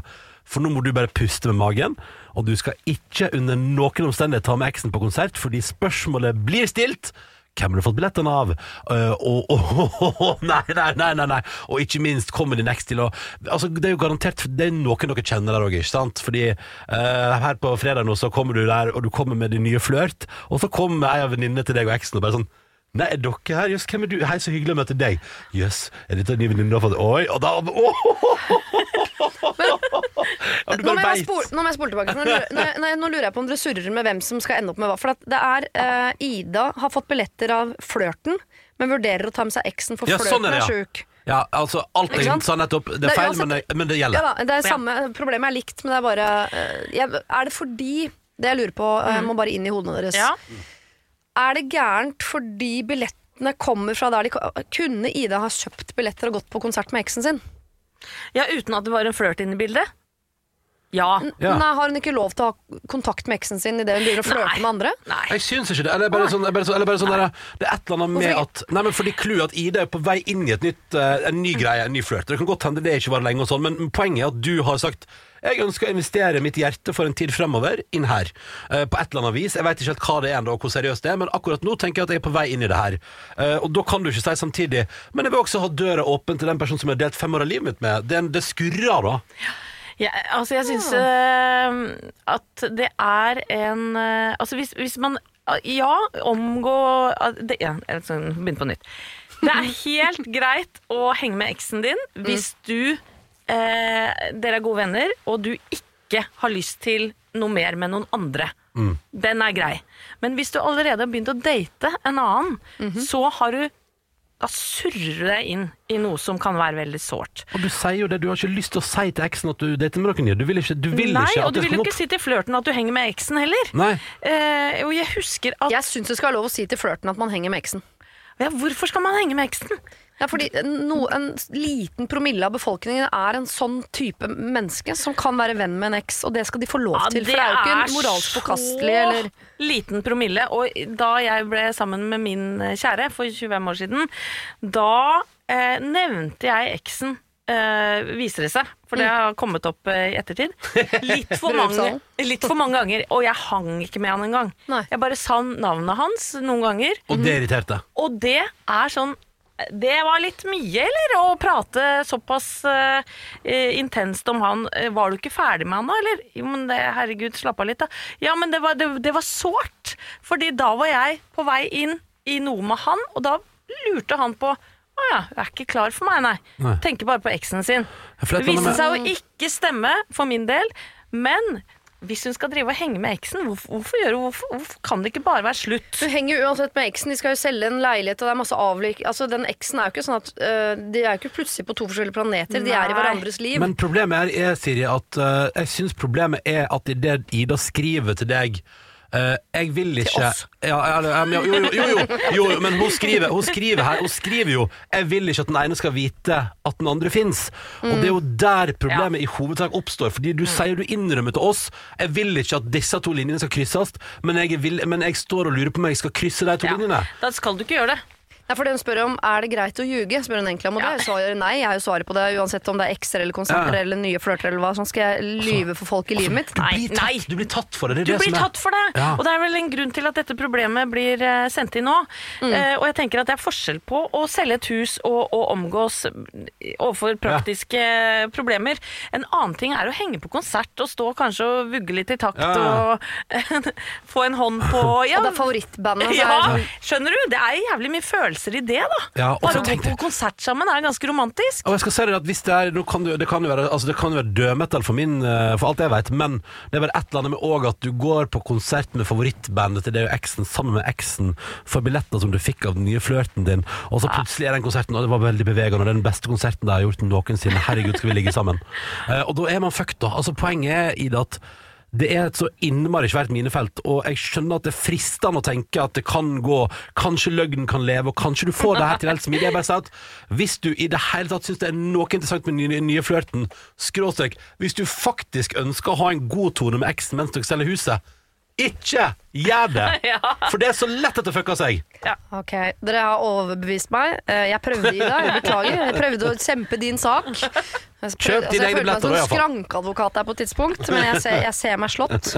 Eh, Helgens gode hjelpere mener altså at du kan på ingen måte gå på eh, konsert med din og eksens favorittband sammen med eksen på billetter du har fått av din nye flørt. Jeg hører den jeg oppsummerer det, det er helt riktig. Det kan du selvfølgelig ikke gjøre. Vi skal eh, videre på kanskje en jentetur. Oi. Eh, For her er det altså en gjeng som skriver. En gang i året drar vi på jentetur. Har gjort det siden vi var russ, og nå er vi rundt 40. Det har vært giftermål, skilsmisser, unger og flytting, men stort sett er alle med. Åh, Vi sparer sammen hele året, og vi har blitt enige om at potten splittes på de som drar, uansett frafall. Ja. Vi tenker at det går opp gjennom et liv. De som føler at det er urettferdig, har kunnet trekke seg ut av felles sparing. Nå har vi allikevel en som sier at hun mener at hun bør få igjen sine sparepenger akkurat i år, for hun er forhindret fra å komme pga. dødsfall i inngiftet familie. Jeg er enig i at det er gyldig fravær fra turen, men ikke noe mer enn en fødsel eller en skilsmisse. Det blir jo dessverre flere dødsfall også i åra som kommer. Vedkommende har ikke barn selv, og dette blir hennes første fravær. Resten av gruppa har hatt ett eller flere. Noen mener at vi skal gi, etter, jeg mener ikke det. Skal jeg stå på mitt? Spør da Stine. Oi. Ja, for det måtte jo komme. Hun Mm. ene gjengen som var litt gneten likevel, gitt. Og det er jo naturlig å tenke at dødsfall er på en måte gyldig fravær i eh, alt. Ja. Ik ikke sant? Det går ikke an å, å si imot noen som skal gå i begravelse. På sånn, nei, det passer ikke, eller det får du ikke. Eller, altså, ja. Nei. Jeg, jeg lurer på hva slags eh, Eller hvordan man har løst det tidligere. Eh, For hvis eh, hun oppsummerer jo en del, eller skisserer ut en del andre typer frafall her, Ja. som fødsler og, og, og bryllup osv. ja. Ja, så det virker som det er andre som har eh, driti i å dra på tur, og, men ikke fått pengene tilbake. Ja, Det stemmer. ja, Det Ja. er sånn helt Ja. åpenbart. Altså, så dette er dette er første gang. ja, og, og da mener jo jeg Det hadde jeg ikke turt å spørre om, tror jeg. For det er sånn, nei, vet du hva?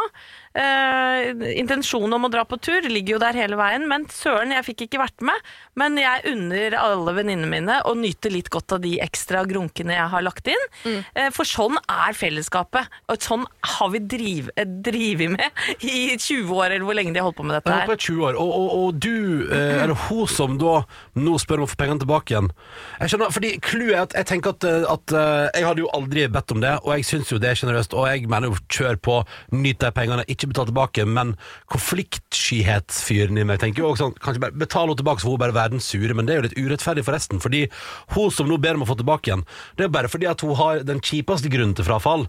Fordi alle andre har sånn fødsel, det tåler du. Det er liksom ah, jeg skal føde, og det, det er liksom ganske verdt det i forhold til de par tusen kronene. Mens hun skal i en, en begravelse sikkert som hun kanskje ikke egentlig har. Det er jo bare vondt liksom, og kjipt, og det er inngifta familie og sånn. Men det at grunnen til fravær er kjip, gjør ikke at du plutselig skal få andre regler enn de andre. For Nei. jeg, jeg tenker at problemet er sånn, Rent matematisk så er dette veldig lett for meg å ta stilling til. Det er sånn, nei, Hun får ikke igjen pengene sine ferdig. Eller vi lukker den døra og går videre. Neste spørsmål! Takk skal du ha. Ja, Men samtidig så er, jeg, også er matten så enkel at også hvis, selv om jeg hadde vært en gnitende, så tenker jeg at i år får ikke jeg vært med pga. Uh, dødsfall. Jeg vil ha igjen pengene mine. Hun har jo gjentatte ganger de siste 20 åra vært på tur og spist middag for penger som andre har spart som ikke er med på turen. Yes. Så Ja. økonomisk sett så er hun på plussiden, for det er mange penger hun har spist av som ikke er sine, og nå er det noen som spiser litt av hennes penger. Hun er uansett, Hvis vi bare skal tenke matematisk og ikke følelsesmessig, så er hun i pluss.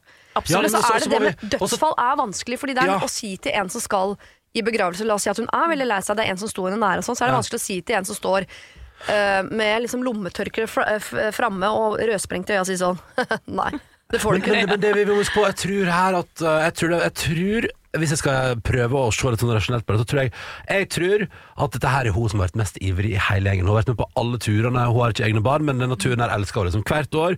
Med venninne. Hun er den eneste som alltid har vært der. Nå kan hun ikke, fordi det oppstår noe uforutsett. Og istedenfor å på en måte takle det og gå inn i det, så eh, det hun gjør eh, når hun blir lei seg for at hun skal være med, det er at hun rett og slett går liksom til angrep på det felleskonseptet som de alltid har hatt. Og det er jo fryktelig dumt, så jeg ville kanskje prøvd å si til henne at du, eh, kall henne Agnete. Agnete, du, nå er, det, nå er det første gang du ikke er med. Alle vi andre har hatt frafall. Jeg skjønner at det er dritt med, med dødsfall, men men er du sikker på at du skal ha pengene tilbake? Er ikke det litt urettferdig? Du har jo De siste 20 åra har du vært med på kontrakten og elska det der med at pengene blir i potten.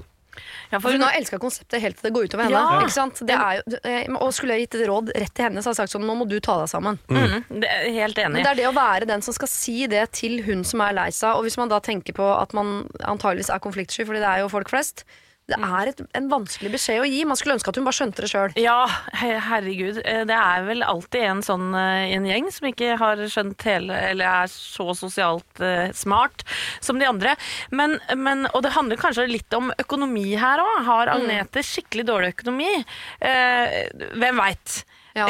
Kan det være Ja. en faktor til at man søren heller nå har, nå har Ja. hatt vannlekkasje på badet, og nå gikk det 300 000 til eh, ny oppussing der. Skal vi være rause og gi en det, eller skal vi holde på prinsippet? Jeg mener jo at det kanskje er litt sånn skjønn inn i bildet her òg. som, som handler om at hun er alene uten barn osv. Jeg, jeg vet ikke. Jeg syns det er vanskelig. Ja. Men, men eh, kanskje man skal da. gå Det er ikke sånn at du er aleine. Nei. Nei, ikke sant? Men, men fordi jeg tenker også litt sånn der problemet at å, men hvor- Hvorfor skal hun få frigis Nei, fra prinsippet. jeg syns jo egentlig ikke det. Nei. Jeg måtte bare Ja, ja, lufte jeg, er jo- jeg er jo innom tanken, Ja. Mm. og selvfølgelig Hvis dere er en gjeng som ikke og Hvis ingen av dere orker konfrontasjon, så er det bare å føre de pengene Ja. tilbake igjen. Og Men, men jeg, da, jeg ville jo liksom Eller jeg bare kjenner at jeg, det hadde irritert meg hvis vi var en kompisgjeng der alle liksom har gjort det samme Mm. og stått i det samme hvert eneste år, og hvis en av de som Mest av alle har nytt goden av at vi har et system der pengene ikke går tilbake igjen, Ja. plutselig skal bli sur for det. Da kjenner jeg at det, det hadde liksom irritert meg litt. For, er sånn, for hun sier jo litt, sier litt sånn fuck you til alle de andre, og sier sånn jeg ønsker en forfordeling i forhold til alle dere andre. Ja. Og hvis de, liksom, og hvis de andre liksom er med og sliter ræva seg hvert år for å arrangere den turen, får det til å gå, det funker for alle, men alle har liksom satt, alle de andre unntatt hun har sittet hjemme, mens resten av gjengen har vært på tur, og syns det har vært litt kjipt å ikke være med. Så hvorfor skal akkurat hun her få lov til å bare si sånn jeg, jeg kan ikke være med, så nå, nå må bare alle prioritere meg annerledes enn alle andre. Og, og selv om det er vanskelig å si fra, så er det noen ganger også eh, i ettertid da, kanskje greit med en korreksjon. Ikke sant? At Mm. noen turte å si fra om det. Istedenfor å få de pengene på konto, så himler alle andre jentene med, med Mm. øya og tenker fy faen for en dust, egentlig. Altså, Ja. egentlig Jeg gruer man meg til neste tur med ja, man henne. gjør jo henne en tjeneste ved å ikke skape en situasjon Ja. der hun baksnakkes en uke på Ayanapa, liksom, mens hun er hjemme i begravelse og ikke får vært med. Mm. Så sånn sett er det egentlig en tjeneste. Jeg bare, det jeg er redd for, er at hvis øh, De andre har sagt sånn, kan ikke bare gi henne pengene. For jeg er enig i sånn, i i det store og det hele, altså, så er ikke så nøye. Kan ikke bare, hun er øh, sorg, la henne bare få pengene, og så lar vi det ligge. Slipper det å bli noe greie. Hvis man klarer å la det ligge. Det er bare noe med Hvis ikke man som kollektivt er enige om det, så det er du som på vegne av en gruppe sier sånn Jeg kommer til å si nei, jeg. Du får ikke igjen pengene dine. Og så går da denne jenta og snakker med de andre og sånn Var ikke det utrolig kjipt av uh, uh, hun? Og sier at ikke jeg fikk igjen pengene. Og sier sånn Jo, da var hun litt sånn Og så blir man sittende i en sånn svarteper Ja. som har den ene ufølsomme som ikke syns synd på Ja. venninnen sin som skulle begrave seg. begravelse. shit, ja, ja. Det er bare at Det kan backfire å være Ja. den som tør å være prinsippfast. Og prinsipper er jo kjempebra, men det står også av og til litt i veien for at man kommer seg videre. Ja, ja nei, så, altså, jeg, jeg tror kanskje liksom jeg, bare, jeg tenker i, Hvis det hadde vært min kompisgjeng, og vi hadde hatt et sånn felles sparemål og, og hatt det gjennom så mange år, så hadde jeg tenkt sånn at, altså, Jeg tror nok at det er sånn For en idiot du er. Men ok, vi, vi fører tilbake de pengene og slipper alle vi andre å bry oss. Ja. Og så kan vi reise på ferie og ha det gøy.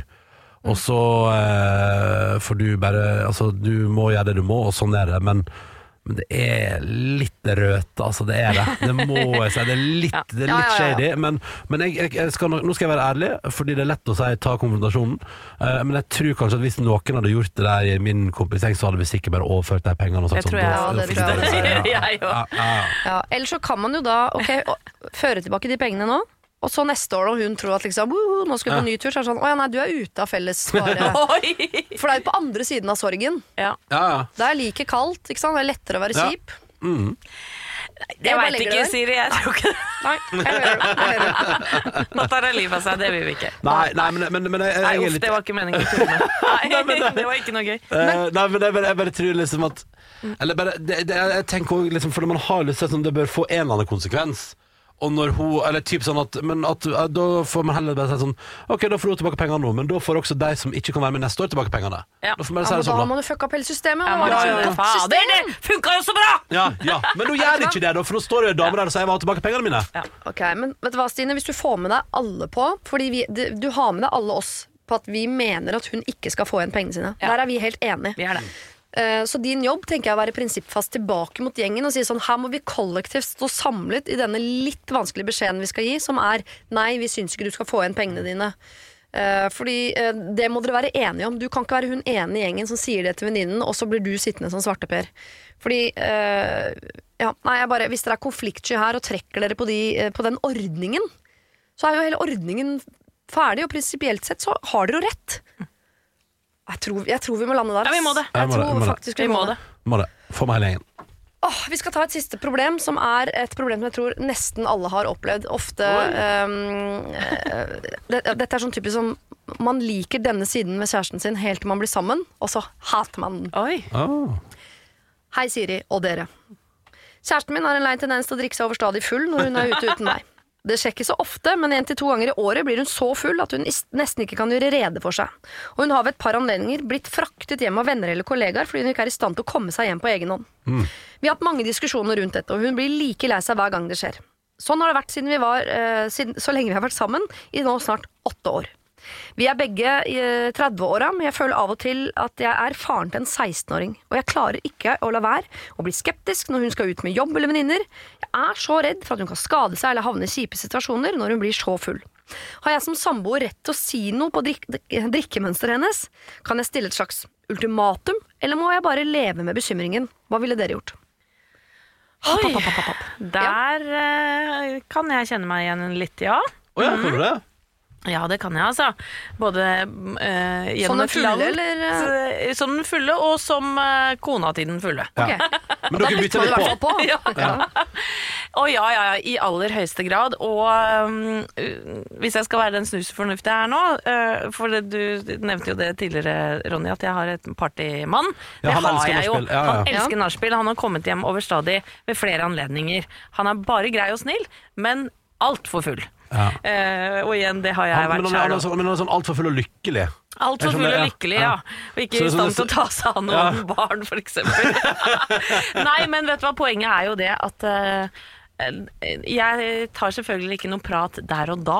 Det er jo Ja, meningsløst. det er helt ubrukelig. Ikke vits. Eh, og det kan jo hende at jeg eh, eh, venter eh, til det skjer igjen. Ikke sant? At man ikke etter én gang man driter seg ut, tar praten. Men har det skjedd eksempel eh, tre ganger i løpet av et halvår, da, så kan det hende at ok, da oppsummerer man på slutten av håret. Eh, eller da, da, da er det verdt å ta en konfrontasjon, da, mener jeg. Ja. Fordi eh, det er særs ubehagelig å være partneren til en som er over stadion. Man blir jo redd, man blir bekymra. Og det er sikkert noe man kan eh, ja, gjøre med det for å ikke bli så full. For eksempel droppe vorspielet. Ja. Eh, eh, Eller droppe No- spriten er ofte. Jeg tenker ofte at det er lett, ja. lettest å gjøre. Bare droppe sprit, eh, bare kutt ned på ikke sånn, Ikke drikk sprit. Men, men samtidig, jeg vet ikke, fordi dette er jeg litt nysgjerrig på, for jeg, nå, nå lanserer jeg en tanke. Ja. Uh, jeg jeg, jeg syns man skal være utrolig forsiktig med å gi sin bedre halvdel begrensninger. Ja. Uh, jeg, jeg, jeg, jeg, jeg tenker at det skal, være, det skal mye til for at jeg hadde for eksempel i, vårt, i det forholdet jeg er i, sagt til min kjæreste du må drikke mindre. Fordi eh, jeg bare føler at jeg tror aldri det Eller det, i alle fall å si det på den måten tror jeg eh, aldri fører med seg noe godt. For da går du ut der, og så er det du tenker når du er på byen sånn Kjæresten min syns ikke at jeg skal drikke så masse, og jeg, jeg bare liker Jeg bare vet ikke Jeg er bare nysgjerrig på hva, hva dere tenker om det, da. At, at du blir en sånn moralsk vokter i forholdet. Jeg syns det er kjempeskummelt. Jeg kan bare si at i de eh, forholdene jeg har eh, vært så heldig å få være en del av opp igjennom, det er noe av det mest diplomatiske jeg har sagt i mitt liv, Wow. så har jeg en tendens til å havne med, eh, i et forhold med en gutt som blir sånn, Ja. sånn drita at man blir bekymra. Okay. Og jeg har hatet det i hvert eneste forhold. Men jeg har aldri villet si det, for jeg har vært redd for å være en har liksom- Så jeg har lata som det var greit. Men jeg har også dyttet min ekskjæreste ned en trapp når han var drita, for for jeg var så passiv-aggressiv. Ja. Men når jeg er edru, så er det helt Det er heller ikke så bra. greit. Ikke gjør det til en krangel! Altså, jeg har vært koko på det. Og så er jeg nå jo da eh, i et forhold på 12. året eller 13. eller hva det er, med min deilige lokfører, som også er en fyr som jeg kan finne utafor huset tidlig på morgenen, for han ikke klarte å få nøkkelen i hølet. ikke sant? Ja, ja, ja. Eh, han, er, han er heller ikke slem, han blir bare full og ubrukelig på mange måter. Og Jeg blir jo eh, både sint og bekymret og alt det der. Og da har jeg, som første gang, så har jeg tørt å være negete og sagt sånn For at jeg skal få sinnsro, så er jeg litt avhengig av at du har med deg når du går på byen. At jeg ønsker at du har det så gøy som bare du kan ha det. Ja. Men at du ikke drikker brun sprit. Ja, Altså, jeg, har, jeg har blitt hun som Ja. legger begrensninger. Jeg hater å være en som legger begrensninger, men fordi jeg også vet at han syns ikke det er noe gøy. Han syns ikke Nei, det er noe det er gøy å være det. så full. Han syns ikke det er noe gøy at han våkner utafor huset på morgenen og ungene lurer på hvorfor pappa ligger i hagen. Altså, det er ikke? ja, Det er ikke noe og nå bringer du jo unger òg, ikke sant. Det har, det har jo det, det er ikke bare deg sjøl det går utover innimellom. Da. Det kan jo Nei. være andre i familien, ikke bare kjæresten heller. Eh, og, og Nei, vet du hva, jeg eh, Hva skal jeg si? Jeg har også gjort det, Siri. Fordi at eh, jeg hadde hatt, satt så pris på hvis han sa fra til meg eh, hvis, at jeg dreit meg ut. For jeg synes det er så flaut å miste kontrollen. Ja. Å være for mye på en fest. Ja, sånn, ja. Og ikke ikke være slagferdig og morsom, men bare sånn øh, avtal. Mm. Ikke sant? Jeg heldigvis så går jeg ofte hjem, og så går rullegardina ned i taxien. jeg klarer akkurat å komme meg ut av døra ut først, ja. før det blir for gærent. Men det er ikke alle som kanskje Ja, det har jeg lært meg opp gjennom et langt øh, alkoholisert liv. Men, men, men eh, jeg vet, eh, fordi jeg kjenner mannen min såpass godt nå, da, etter et langt samliv, så vet jeg også at han setter pris på at jeg kan si fra. Ja. Og, men det er ofte bra. Nå er jo, var jo ikke dette tilfellet, for det var jo ofte da når hun var alene ute. Men jeg tenker jo også at man kanskje har et mønster når man er sammen. At man sier fra, har noen sånne små tegn på at nå kan du drikke litt vann. B Ja. Bare, bare på en kjærlig og god Ja, måte. ja, ja. Bare sånn, Nå ser jeg på deg at du er i ferd med å tippe over. Det vil ikke du, det vil ikke jeg. At man utvikler noen sånne gode mønstre for hvordan man kan korrigere hverandre uten at det blir så kjipt, da. Ja, for det må komme fra et sted som handler om kjærlighet og, Ja. og et ønske om å hjelpe. For jeg tror det du er redd for, Ronny, når du sier at jeg vil ikke legge begrensninger, er jo fordi eh, jeg tror også en del av disse situasjonene så handler om at det sitter en og er ikke redd for at du skal øh, gjøre deg bort, men redd for hva finner du på når Ja. du er så full? Og så er det egentlig kommer det fra et sted som handler om sjalusi, eller at man er flau, eller som handler om seg. Og da, hvis mannen min la begrensninger på meg, for han syntes det var flaut når jeg ble sånn som dansa, eller han var redd for at når jeg var full, så kom jeg til å bli med en eller annen kreti eller pleti hjem og gjøre ting man ikke skal gjøre, da blir det sånn hei, hei, hei, jeg kan passe på meg selv. Ja. Men hvis det kommer fra et sted sånn Jeg ser at du ikke syns det er noe gøy å våkne i hagen. Selv om det var deilig å ligge på mosen. Å ja, så er det så frisk luft der ute.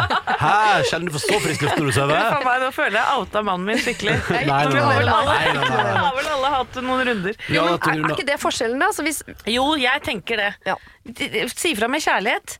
Si fra fordi du elsker henne, Ja, og og så- fordi du er bekymra. og ønsker å hjelpe, liksom. Ja. Og så tror jeg jo at du må si fra hvis det blir et mønster. Fordi det er lov å drite seg ut iblant. Og, og jeg elsker jo Jeg elsker jo tanken på at man har en frihetsfølelse. At ja, man kan gå ut og man kan bli kjempefull, og det skjer av og til, og sånn er livet, liksom. Ja.